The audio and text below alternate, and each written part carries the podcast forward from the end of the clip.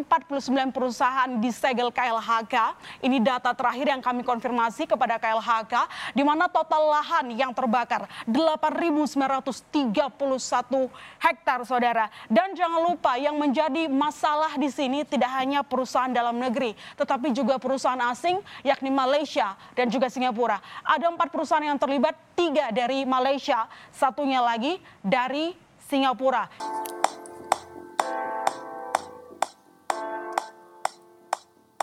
Halo, saya Ilman.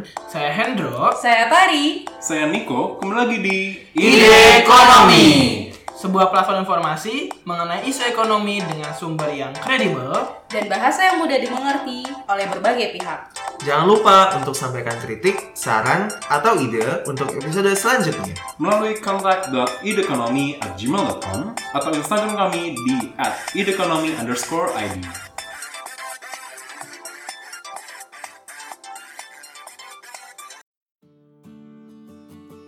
Ya, selamat siang, ID listeners. Berjumpa lagi dengan saya Niko di episode yang akan membahas mengenai ekonomi lingkungan. Agak berbeda dari pembahasan sebelumnya. Dan kali, kali ini kita sudah bersama dengan salah seorang pakar ekonomi di bidang lingkungan dari Research Center for Climate Change Universitas Indonesia dan World Research Institute. Dan beliau mengambil gelar PhD di bidang ekonomi lingkungan dari Universitas of Leipzig. Dan beliau adalah Pak Sony Munggunan. Apa kabar Bapak Sony siang hari ini? Kabar baik, Baik Pak, terima kasih sudah mau sharing-sharing dengan teman-teman Ida Listeners. Jadi langsung aja ya Pak, kita masuk ke bahasan hari ini. Jadi saat-saat ini kita sering banget nih Pak dengar mengenai uh, tentang masalah kualitas lingkungan, kualitas udara khususnya di Jakarta.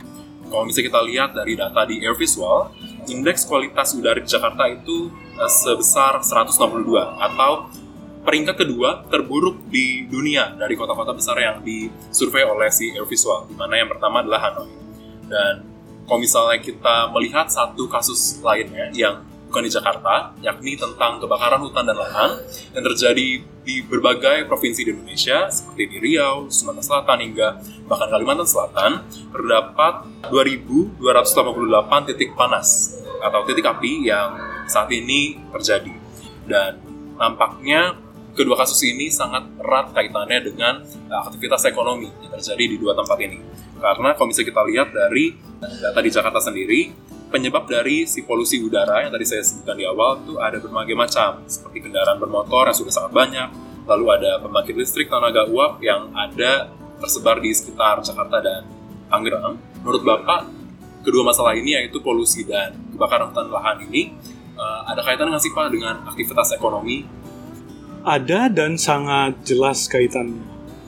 Jadi persoalan persoalan yang disebutkan tadi, polusi udara, kebakaran hutan, lahan, hutan baik hutan mineral maupun hutan gambut, dalam kadar yang cukup eh, dalam dan luas itu disebabkan oleh kegiatan-kegiatan ekonomi, perkebunan atau kegiatan ekonomi eh, sektor berbasis lahan, eh, pertanian, pertambangan gitu ya, berbagai skala itu menjelaskan kebakaran hutan dan lahan. Sementara untuk polusi udara itu juga aktivitas manusia, aktivitas ekonomi yang langsung gitu ya, produksi yang kemudian mengeluarkan emisi dan gas-gas polutan gitu, atau bahan polutan, ataupun aktivitas di tingkat individu.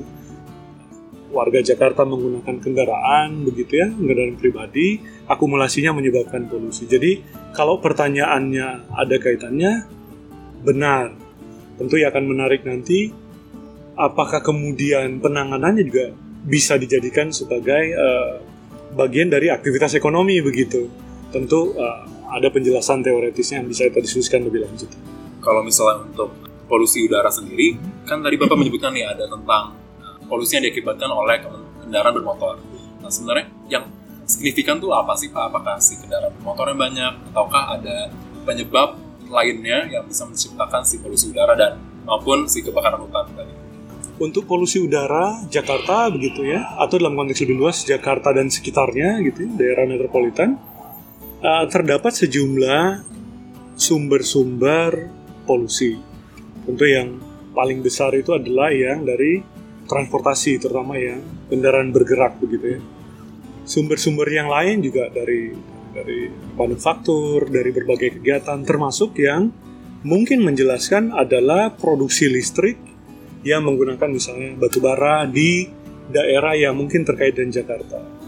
Karena dia di udara, begitu dibawa oleh angin atau gerak dinamika angin sehingga polusi itu mungkin sampai ke Jakarta. Jadi ada ada sejumlah kemungkinan penjelasan uh, polusi seperti tadi, tetapi yang relatif established dari segi sains itu ya polusi transportasi. Yang lain ada kemungkinan tentu menjelaskan polusi Jakarta. Kalau karhutla ini agak sedikit lebih uh, kompleks. Orang tanya apa penyebab karhutla? Saya bilang penyebab karhutla adalah api betul, betul. Persoalannya siapa yang bakar api, siapa yang memicu, uh, untuk apa api tersebut dan kenapa api itu meluas begitu cepat. Nah, di sini jadi sedikit lebih kompleks. Uh, penyebab kebakaran bisa aktivitas sektor berbasis lahan tadi perkebunan, gitu ya, pembukaan lahan, pertanian.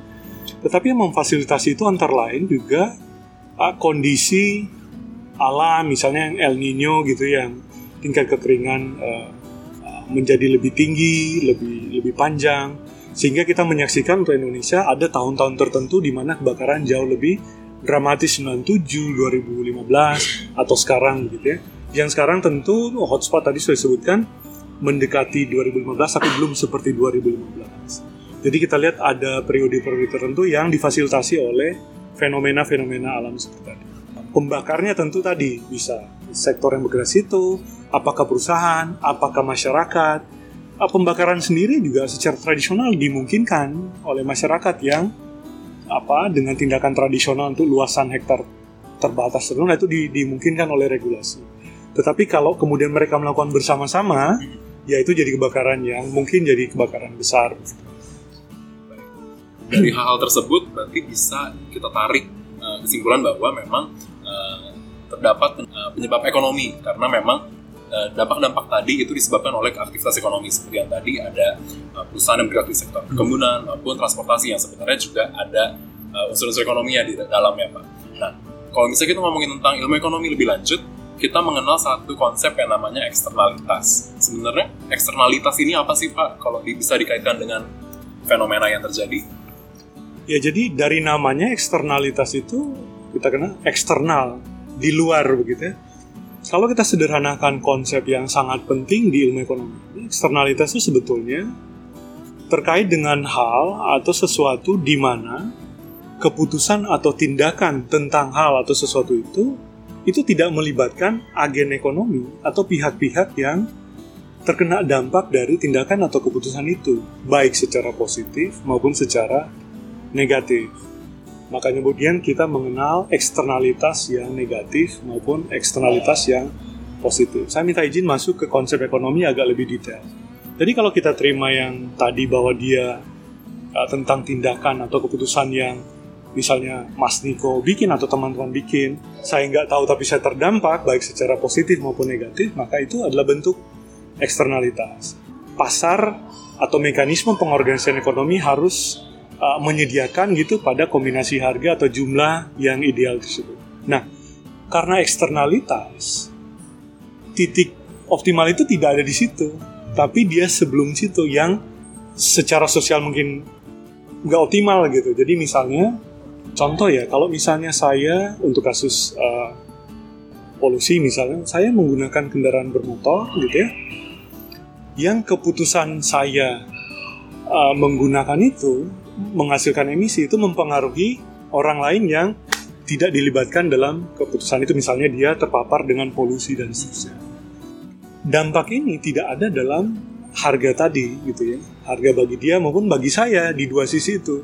Sehingga eksternalitas uh, uh, sering juga kita sebutkan sebagai oh internalisasi biaya dia dan biaya saya dalam kegiatan yang tadi gitu. Dan kalau internalisasi itu tidak terjadi maka pasar dianggap sebagai gagal atau fail. Makanya eksternalitas salah satu contoh market value.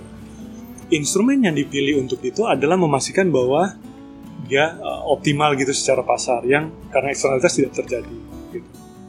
Saya sebenarnya ingin mem membedakan juga antara uh, apa produksi dan konsumsi yang bisa jadi uh, berbeda di antara uh, eksternalitas itu. Jadi kalau eksternalitas yang uh, di sisi produksi dia biasanya terkait dengan uh, biaya gitu ya, sisi biaya. Kalau dia eksternalitas di sisi konsumsi itu biasanya di uh, sisi benefit. Misalnya kalau tadi saya contohkan gunakan kendaraan gitu atau saya memproduksi kendaraan, perusahaan besar gitu ya memproduksi kendaraan, menjual terus gitu ya. Itu adalah eksternalitas negatif di sisi produksi. Sementara kalau saya menggunakan kendaraan itu, keputusan saya menggunakan kendaraan itu eksternalitas di sisi konsumsi. Jadi dia bisa punya implikasi yang berbeda. Kebakaran juga sama. Produsen yang memperluas lahan dengan misalnya membakar itu eksternalitas negatif sisi produksi. Sementara saya mengkonsumsi hasil lahan yang dibangun atau dihasilkan dari perluasan uh, produksi dan membakar hutan tadi itu adalah sisi konsumsi. Mudah-mudahan tidak membingungkan ya, tapi ya. Baik Pak. Bapak tadi menyebutkan bahwa internalisasi itu bisa menjadi upaya untuk menciptakan pasar yang lebih optimal lagi. Nah, sebenarnya apakah internalisasi itu sendiri apa sih Pak dan bentuknya untuk hal yang polusi udara dan uh, kebakaran hutan ini apa sih Pak internalisasi itu dalam hal ini? Misalnya begini, misalnya kasus polusi gitu ya, salah satu penyebabnya adalah emisi transportasi gitu ya, gas buang gitu. Selama ini kalau misalnya kita membeli bahan bakar yang kita gunakan untuk kendaraan kita, itu adalah harga bahan bakar seperti dia diproduksi tanpa mempertimbangkan bahwa bahan bakar itu ada fossil fuel yang menyebabkan polusi atau pemanasan iklim gitu perubahan suhu gitu. Nah, harga yang ada saat ini itu belum melibatkan itu. Sekarang ketika kita bilang oh bahwa bahan bakar ini punya harga itu, kemudian harga itu kita kenalkan dalam struktur harga kita, berarti kita internalisasi, maka saya akan menggunakan itu. Misalnya kita di Jakarta misalnya kita membayar pungutan untuk uh, bahan bakar migas begitu ya. Itu salah satu dari sekian kemungkinan cara untuk menginternalisasi biaya itu. Tentu seberapa besar itu teknis ya, ya. harga dan dan seterusnya. Itu harga. Uh, bisa juga pajak, bisa juga uh, macam-macam gitu ada ada banyak kemungkinan. Poinnya adalah keputusan-keputusan tadi dalam bentuk harga, jumlah, benefit atau biaya yang dikenakan pada orang lain yang tidak terlibat dalam keputusan uh, kita melakukan itu dulunya nggak ada sekarang jadi ada dalam keputusan itu. Itu cara dia internalisasi. Implikasinya bisa jadi dia lebih mahal atau jumlahnya lebih sedikit dibanding misalnya yang kalau itu tidak di, diinternalisasi. Nanti kita bisa berdiskusi implikasi. Bisa tolong bapak elaborasi lebih lanjut kira-kira sebenarnya upaya apa sih pak yang dapat kita ambil untuk mengatasi masalah polusi udara dan kebakaran hutan. Ada sejumlah upaya yang bisa dilakukan oleh berbagai pihak. Kalau kita sebut pemerintah, misalnya, pemerintah bisa mulai untuk kasus polusi, pemerintah bisa mulai misalnya dengan melakukan uji emisi. Kendaraan-kendaraan itu diuji emisinya secara berkala begitu dan menurut standar tertentu gitu ya. Tadi sudah disebutkan tentang kenapa Indonesia ada di urutan salah satu yang paling buruk di dunia karena menggunakan standar uh, mutu udara gitu dari WHO misalnya. Nah, jadi perlu ada uji emisi itu satu, tetapi juga perlu ada evaluasi terhadap uji emisi itu. Jangan-jangan sudah tidak lagi gitu. Misalnya dulu kita menguji dengan partikulat meter yang ukurannya lebih besar 10 gitu ya. Mungkin harus lebih kecil lagi gitu, 2,5 gitu ya. Kemudian selain itu juga ada upaya untuk memastikan bahwa itu dilaksanakan kemudian jangka waktu tertentu misalnya kendaraan yang kalau masih bagus gitu masih pertahun-tahun pertama dia memproduksi emisinya masih oke okay lah ya. Tapi setelah dia seperti kita naik kopaja lah ya kopaja kan sudah perlu harus dievaluasi lagi emisinya karena dia sudah sekian tahun gitu. Jadi itu contoh-contoh yang bisa dilakukan. Atau kalau pajak tadi dia mengenalkan biaya yang bagi sebagian orang itu mungkin meningkatkan. Biaya misal bahan bakar produsen mobil juga mungkin oh kalau harganya makin mahal misalnya fuel ekonomi gitu ya, maka mungkin jumlah yang harus saya jual atau bisa saya jual jadi berkurang karena harga mobil jadi naik.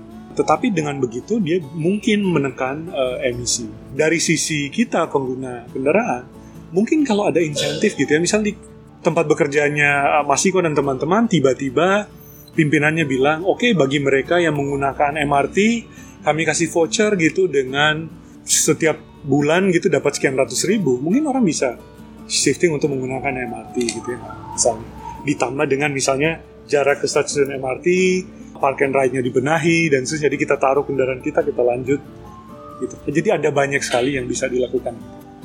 Untuk yang kebakaran hutan sendiri, kira-kira upaya yang bisa dilakukan apa ya Pak? Kebakaran hutan eh, eh, banyak tapi ini sedikit lebih kompleks dari polusi tadi. Kebakaran hutan kan yang kita dengar eh, sebagian perusahaan yang terlibat dalam aktivitas yang ditengarai mungkin menyebabkan kebakaran hutan sudah melalui proses hukum sebagian sudah diputuskan harus membayar ganti rugi gitu walaupun belum melakukan pembayaran ganti rugi yang juga uh, cukup besar ya. Jadi konsistensi itu perlu dilakukan. Uh, tetapi juga misalnya aktivitas di daerah mana yang tidak boleh dilakukan, gitu ya. Misalnya untuk gambut, gambut dengan kedalaman tertentu atau di resource system, misalnya ada kubah gambut gitu ya, itu tidak bisa lagi ditanam dan seterusnya. Jadi ada sejumlah kegiatan yang bisa dilakukan oleh pemerintah maupun oleh berdampak pada perusahaan.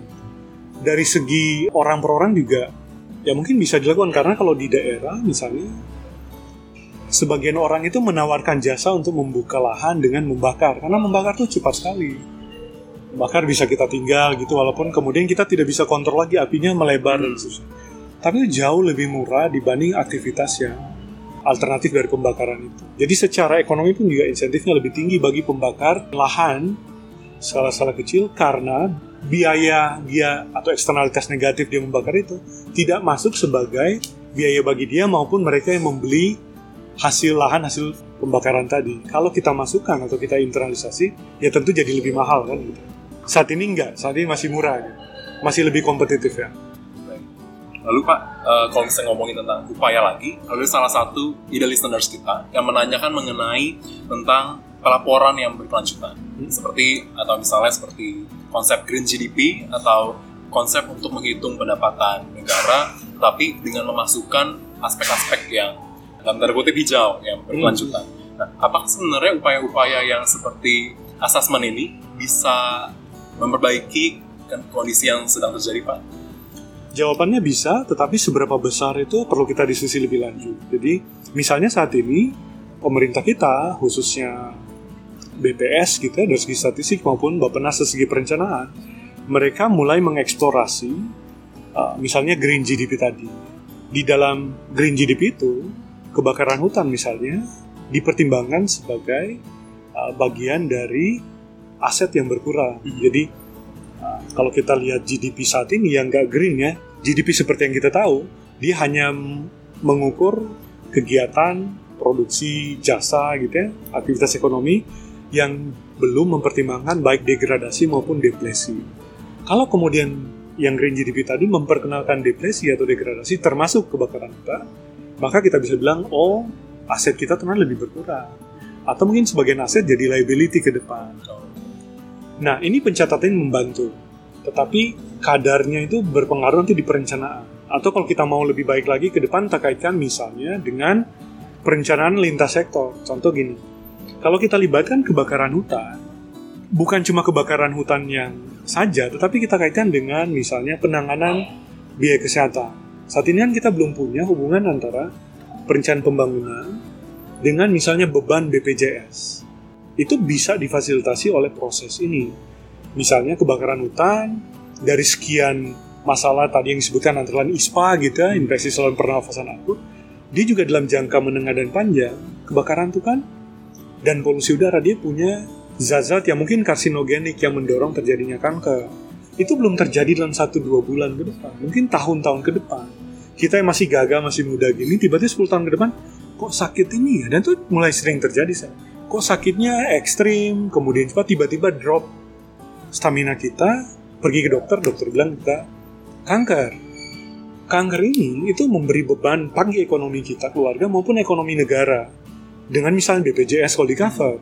Nah ini belum dihitung dampak-dampak ini. Nah tadi perencanaan dengan Green GDP yang mempertimbangkan depresi kalau ditarik ke budget politik fiskal kita, terus dia akan kelihatan relasi yang tadi.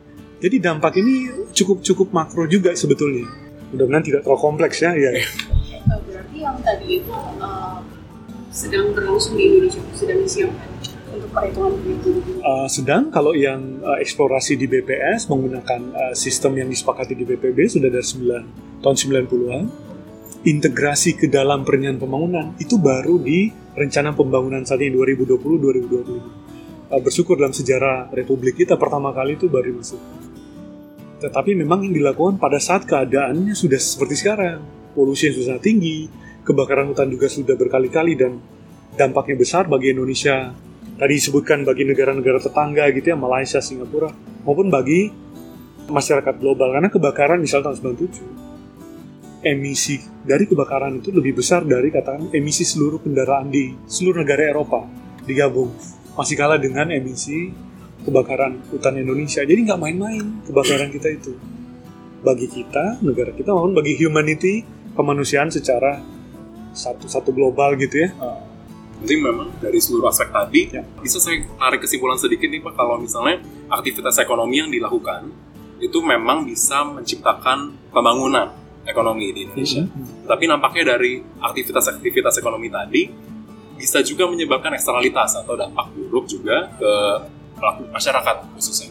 Nah, sebenarnya bisa nggak sih Pak pembangunan ini diciptakan secara berkelanjutan? Seperti yang kita dengar ada namanya pembangunan berkelanjutan. Tapi apakah itu mungkin menurut Pak Sony? Iya, jadi idealnya pembangunan berkelanjutan kan sebetulnya dia menyeimbangkan antara ekonomi, sosial, dan kemudian uh, lingkungan gitu. Jadi kita ingin tumbuh sekian persen dengan tidak menghasilkan polusi, dengan tidak membakar hutan, dan tidak membakar gambut, dan seterusnya. Itu idealnya. Saat ini perencanaan kita, cara berpikir kita di tingkat perusahaan, bahkan di, di secara epistemik ya, di tingkat ilmu ekonomi, walaupun mulai bergerak, berubah sekarang, misalnya dengan cara berpikir yang mulai mempertimbangkan aspek tadi itu memang belum sebetulnya belum seideal yang kita bayangkan. Masing-masing masih berpikir ekonomi paling penting sosial paling Iya. penting atau lingkungan paling penting. Padahal sebetulnya perlu dipertimbangkan. Nobel ekonomi yang terakhir diberikan untuk perubahan iklim ada beberapa perkembangan di mana Nobel ekonomi juga mulai melihat dimensi-dimensi ini dipertimbangkan secara serempak nah mempertimbangkan secara serempak ini mungkin dilakukan, sekarang juga sedang dilakukan oleh pemerintah kita, walaupun berusaha keras gitu untuk ini. Uh, Jawabannya mungkin, tetapi tercapai mungkin tidak langsung sekarang. Uh, Kita lihat ada path dependence, ada locking effect. Kita misalnya sudah investasi di sawit cukup besar, di batu bara cukup besar untuk memproduksi listrik kita. Kalau kita mau ke arah yang lebih sustainable, ini kan perlu transisi. Dan ini adalah sawit, tambang gitu ya, batu bara dan sebagainya. Ini adalah sektor-sektor yang kontribusi bagi ekonomi kita. Seperti rekan-rekan tahu itu besar. Mengubahnya butuh transisi gitu. Jadi kita perlu menghitung, merencanakan transisinya ke katakan pembangunan rendah karbon atau pembangunan berkelanjutan seperti apa. Dengan syarat pertumbuhan ekonominya tetap katakan 5-6% gitu ya. Polusi tetap bisa kita tekan, pengentasan kemiskinan juga bisa kita pertahankan dan seterusnya. Ini memang perlu melihat seluruh sektor dan dimensi itu secara serempak dan terintegrasi. Sayangnya saat ini belum seperti itu. Itu harus kita sampaikan. Sudah ada upaya ke situ tapi belum sepenuhnya berjalan. masih terkait dengan laporan keberlanjutan nih Pak, ini ada dari pendengar kita juga. Dia tuh sebenarnya bertanya, apakah dengan adanya laporan keberlanjutan ini uh, berpengaruh terhadap kelestarian lingkungan? Lebih spesifiknya lagi, dia menyampaikan uh, tanggapannya nih, pendapatnya Pak. Kalau menurut pendengar ide ekonomi ini, yang berpengaruh itu bukan laporan uh, keberlanjutannya, tapi komitmen dari setiap perusahaan, yang kebanyakan menurut dia adalah perusahaan multinasional, dan ada juga beberapa perusahaan lokal uh, yang memiliki komitmen di bidang lingkungan dan mem- memiliki target yang cukup ambisius. Tapi menurut dia masalah dari pelaporan ini adalah greenwashing. Kalau menurut Bapak itu gimana? Ya, jadi kalau menurut saya skema-skema yang disebutkan tadi misalnya uh, green reporting atau pelaporan uh, sustainable itu dari segi perusahaan atau negara kan green GDP GDP pada tiap tertentu juga dari sisi negara perusahaan atau orang per orang semua ada kemungkinan untuk menyelesaikan atau menangani persoalan tadi tapi juga ada keterbatasan. Karena saya ekonom saya coba tarik dalam pertimbangan ekonomi. Seideal apa pun gitu ya bagi ekonom kan atau bagi ekonomi konstitusinya adalah berapa dia menciptakan keuntungan gitu ya. Baik yang dimaknai secara sempit bagi perusahaan ataupun keuntungan secara sosial atau welfare gitu ya. Nah apa pun yang saya lakukan yang berpengaruh pada pencapaian tadi itu akan saya lakukan minta maaf dulu ketika perbudakan menguntungkan, orang melakukan perbudakan. Saya nggak bicara moral konsep tertentu, gitu ya, atau perdagangan anak gitu ya. Tetapi kemudian ketika perdana perbudakan dilihat sebagai tidak optimal secara sosial, orang bergerak meninggalkan itu. Artinya apa? Kalau kemudian yang brown bukan yang green ekonomi masih menguntungkan bagi sebagian pihak, ya orang akan melakukan itu. Jadi yang perlu kita pikirkan adalah mekanisme supply and demand yang mendorong bahwa misalnya yang sustainable tadi itu juga menguntungkan secara ekonomi sehingga orang nggak harus di perusahaan negara nggak harus didorong gitu untuk ini yang penting gitu. Misalnya gini, misalnya sawit itu kompetitif dari segi ekonomi. Oke, kalau kita lihat sawit dibandingkan dengan produksi ekonomi yang lain. Itu di Indonesia. Tetapi ketika kita melihat sisi demand produk-produk sawit, di mana ada perubahan kesadaran, orang bilang produk-produk seperti ini tidak bisa lagi masuk ke pasar Eropa karena kami mau yang sustainable. Maka produsen-produsen sawit merespon ke permintaan itu kan. Begitu jadi dalam kaitannya dengan laporan tadi, baik atau tidaknya, committed atau tidaknya akan bergantung dari kalau saya melakukan itu, saya dipanis nggak oleh pasar nanti. Kalau misalnya saya bisa laporkan apa pun baik atau buruk dan tidak berpengaruh ya orang akan melakukan itu. Tapi ketika dia menjadi serius, orang akan benar-benar meningkatkan ambisinya gitu ya. Jadi saya kira perusahaan juga baik yang besar maupun yang kecil juga mereka cukup strategis melihat itu. Jadi jawaban saya adalah iya bisa tetapi juga tergantung gitu. ya. Kalau saya risetnya saat ini memang eh, saya menulis paper ilmiah tapi banyak yang policy research. Uh, riset saya membantu teman-teman Bapenas, misalnya kalau teman-teman lihat Low Carbon Development Initiative itu sudah diterbitkan oleh Bapenas. Atau data governance, tata kelola data untuk pembangunan berkelanjutan itu sudah bahkan sudah diperpres gitu ya atau transfer fiskal ekologis melalui dana alokasi umum yang memperjuangkan tutupan hutan. Itu sedang didiskusikan di Kementerian uh, Keuangan. Jadi kurang lebih itu contoh-contoh uh, riset yang feeding ke uh, kebijakan. Tapi ya sisi teknis substantif gitu, kemudian jadi salah satu bahan pertimbangan untuk uh, formulasi kebijakan-kebijakan di dalam negeri kita gitu. Untuk risetnya sendiri saya lihat misalnya non timber forest product dalam kaitannya dengan tadi green GDP seberapa jauh seberapa enggak saya melakukan simulasi kemudian menguji dan kriteria public economics gitu ya dan tapi itu sains banget. Saya lebih banyak sekarang di policy ya policy ekonomi Baik, baik Pak. Biasanya nih di ide ekonomi kami menutup episode kita biasanya itu dengan analogi. Nah kalau dalam hal ini kita membahas mengenai ekonomi lingkungan dengan fokus utama yakni fenomena kebakaran hutan dan lahan beserta dengan polusi udara di Jakarta. Nah kalau misal kami boleh meminta analogi yang dapat menggambarkan pembahasan kita hari ini ke Pak Sony, kira-kira apa ya Pak? analogi yang menarik kalau saya membayangkan polusi udara atau kebakaran hutan dan lahan gitu saya membayangkan paru-paru. Paru-paru bagi spesies baik human maupun non-human species manusia gitu ya atau hewan. Kira-kira seberapa penting paru-paru bagi hewan eh, bagi manusia misalnya?